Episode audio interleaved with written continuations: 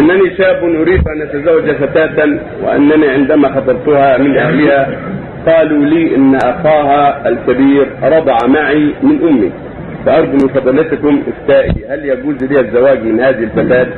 إذا كانت ما رضعت من أمك ولا رضعت من أمها ولا من أختها ولا من زوجة أبيها ما في شيء، أما اخوها رضع من أمك لا يضر. كون أخيها رضع من أمك لا يمنع. المهم انت وهي.